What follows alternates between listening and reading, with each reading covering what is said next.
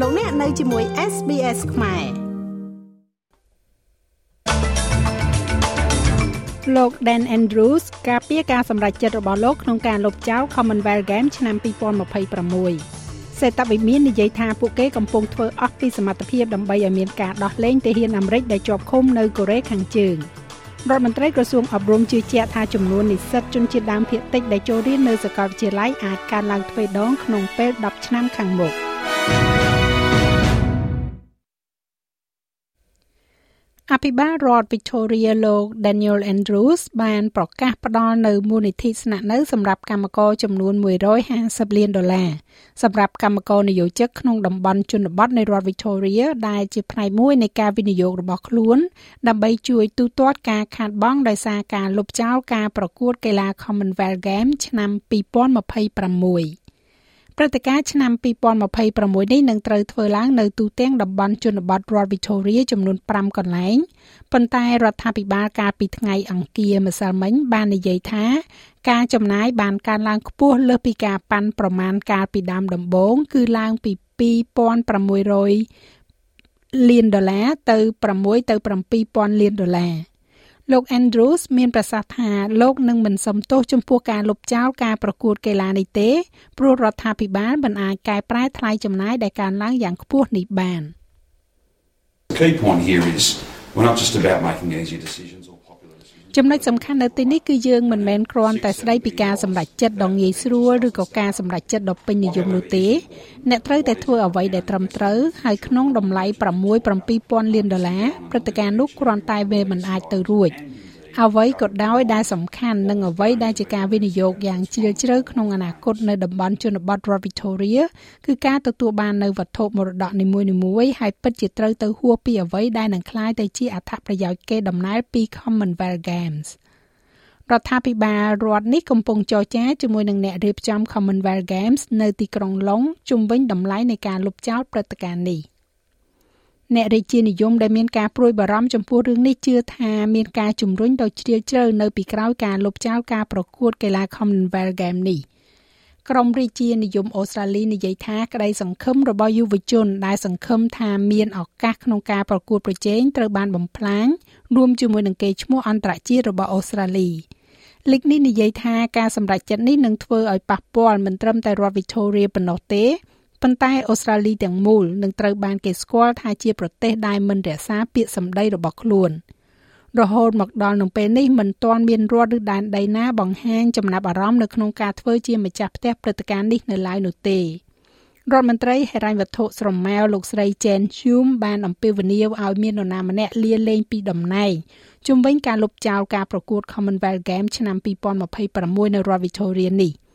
សមាជិកប្រសិទ្ធិបក Liberal របស់រដ្ឋ Victoria លោកស្រី Jen Hum បានប្រាប់ទូរទស្សន៍ប៉ុស្តិ៍លេខ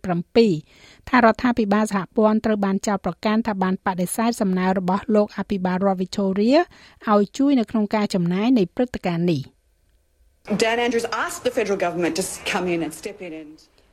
លោក Dan Andrews បានស្នើសុំឲ្យរដ្ឋាភិបាលសហព័ន្ធលោកដៃចូលនិងផ្ដល់ប្រាក់បន្ថែមទៀតហើយពួកគេត្រូវបានបដិសេធយើងត្រូវប្រឈមមុខនេះគឺជា Dan Andrews និងរដ្ឋាភិបាលរដ្ឋ Victoria ដែលអសមត្ថភាពនៅក្នុងការគ្រប់គ្រងគម្រោងរដ្ឋមន្ត្រីក្រសួងអប់រំលោក Jason Clare មានទំនុកចិត្តថាចំនួននិស្សិតជនជាតិដើមភាគតិចដែលចូលរៀននៅសាកលវិទ្យាល័យ អាចនឹងកើនឡើងទ្វេដងក្នុងរយៈពេល10ឆ្នាំខាងមុខនៅមុនពេលកំណែទម្រង់ថ្មីចំពោះវិស័យនេះលោក Clare នឹងបង្ហាញអនុសាសន៍ពីការពិនិត្យឡើងវិញជាបណ្ដោះអាសន្ននៃការអប់រំថ្នាក់ឧត្តមសិក្សានៅក្លឹបសារព័ត៌មានជាតិនៅថ្ងៃនេះ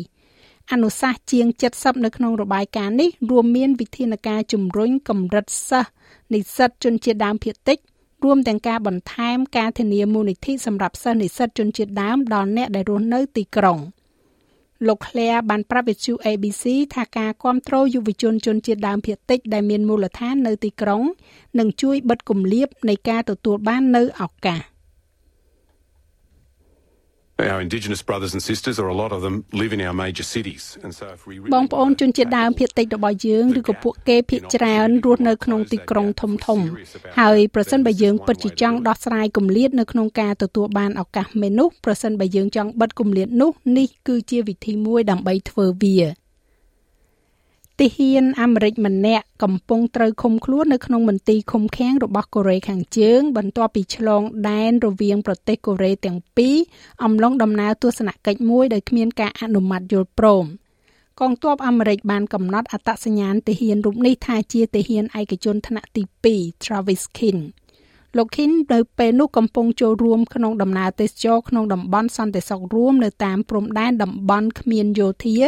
ដែលទាហានមកពីភៀកគីទាំងពីរឈរយាម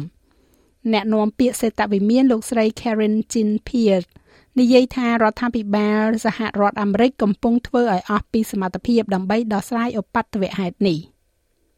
In the afternoon of July 18th, local time, a U.S. soldier នៅរសៀលថ្ងៃទី18ខែកក្កដាមកនៅក្នុងស្រុកទាហានអាមេរិកម្នាក់ក្នុងដំណើរទេសចរតម្រង់ទិស JSA ឯកជន បានឆ្លងកាត់ដោយចេតនានិងគ្មានការអនុញ្ញាតពីខ្សែបន្ទាត់ព្រំដែនយោធាចូលទៅក្នុងសាធារណរដ្ឋប្រជាមានិតកូរ៉េហើយយើងជឿថាបច្ចុប្បន្នទាហានម្នាក់នេះកំពុងស្ថិតក្នុងការឃុំឃាំងរបស់កូរ៉េខាងជើងហើយកំពុងធ្វើការជាមួយនឹងសមាភិកីកូរ៉េខាងជើងដើម្បីដោះស្រាយឧបទ្ទវហេតុនេះ។ លោកស្រីក៏បានបន្ថែមផងដែរថាសហរដ្ឋអាមេរិកកំពុងតាក់ទងជាមួយនឹងស៊ុយអែតនិងកូរ៉េខាងត្បូងលើបញ្ហានេះ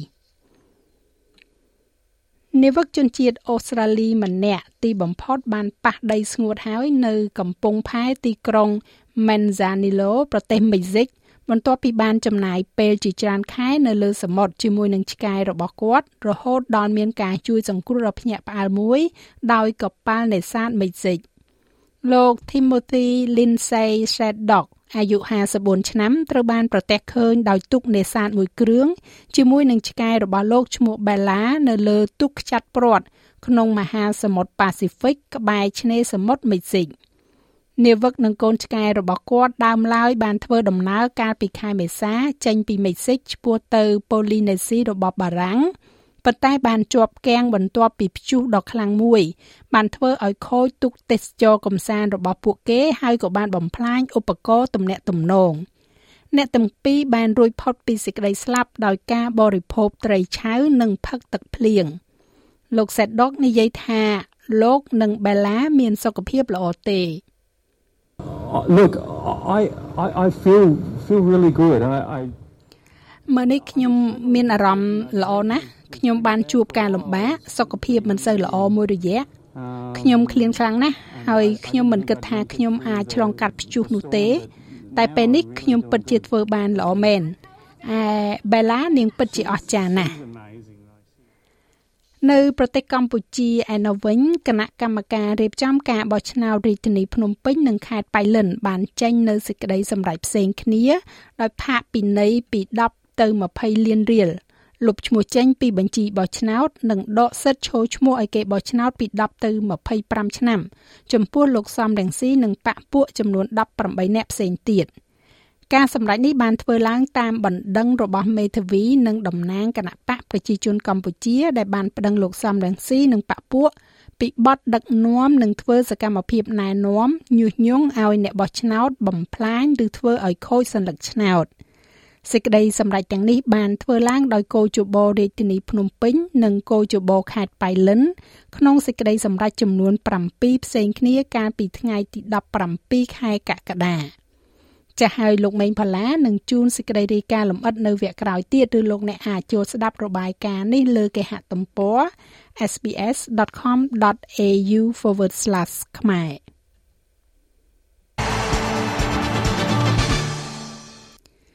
នៅក្នុងការប្រកួតកីឡាវាយកូនបាល់ Tennis កីឡាករ Lee Tu បានឈ្នះការប្រកួត Newport Open ដោយផ្ដួលមិត្តរួមជាតិអូស្ត្រាលី និងជាកីឡាករពិភពលោកចំណាត់ថ្នាក់ទី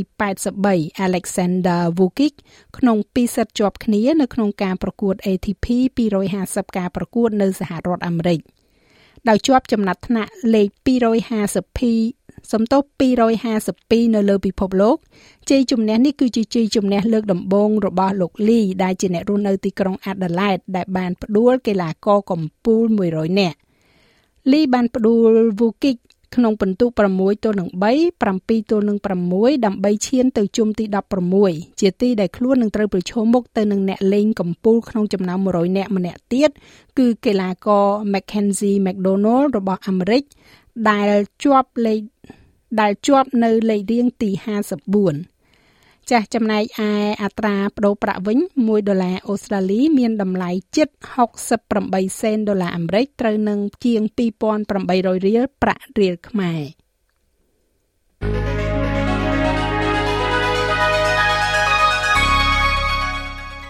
ឥឡូវយើងក៏លេខមកមើលការព្យាករណ៍អាកាសធាតុសម្រាប់ថ្ងៃប្រហ័សស្អែកនេះវិញ ទីក្រុងផឺតអាចនឹងមានរលឹម18អង្សា មានរលឹមនៅអាដាលេដ16អង្សា ទីក្រុងមែលប៊នមានរលឹមខ្លាំងឡើង និងមានខ្យល់14អង្សា នៅហូបាតអាចនឹងមានរលឹមខ្លាំងឡើងដូចគ្នា15អង្សា ទីក្រុងខេនបារ៉ាត្រជាក់ខ្លាំងនៅពេលព្រឹកភាគច្រើនបើកថ្ងៃ13អង្សា ទីក្រុងស៊ីដនីបើកថ្ងៃល្អ20អង្សា មានពពកដោយពេលនៅ Brisbane 21អង្សា ទីក្រុង Cairns បើកថ្ងៃ28អង្សាដូចគ្នានៅ Darwin 32អង្សា និងនៅទីក្រុងភ្នំពេញមានរលឹមលាយរន្ទះ32អង្សា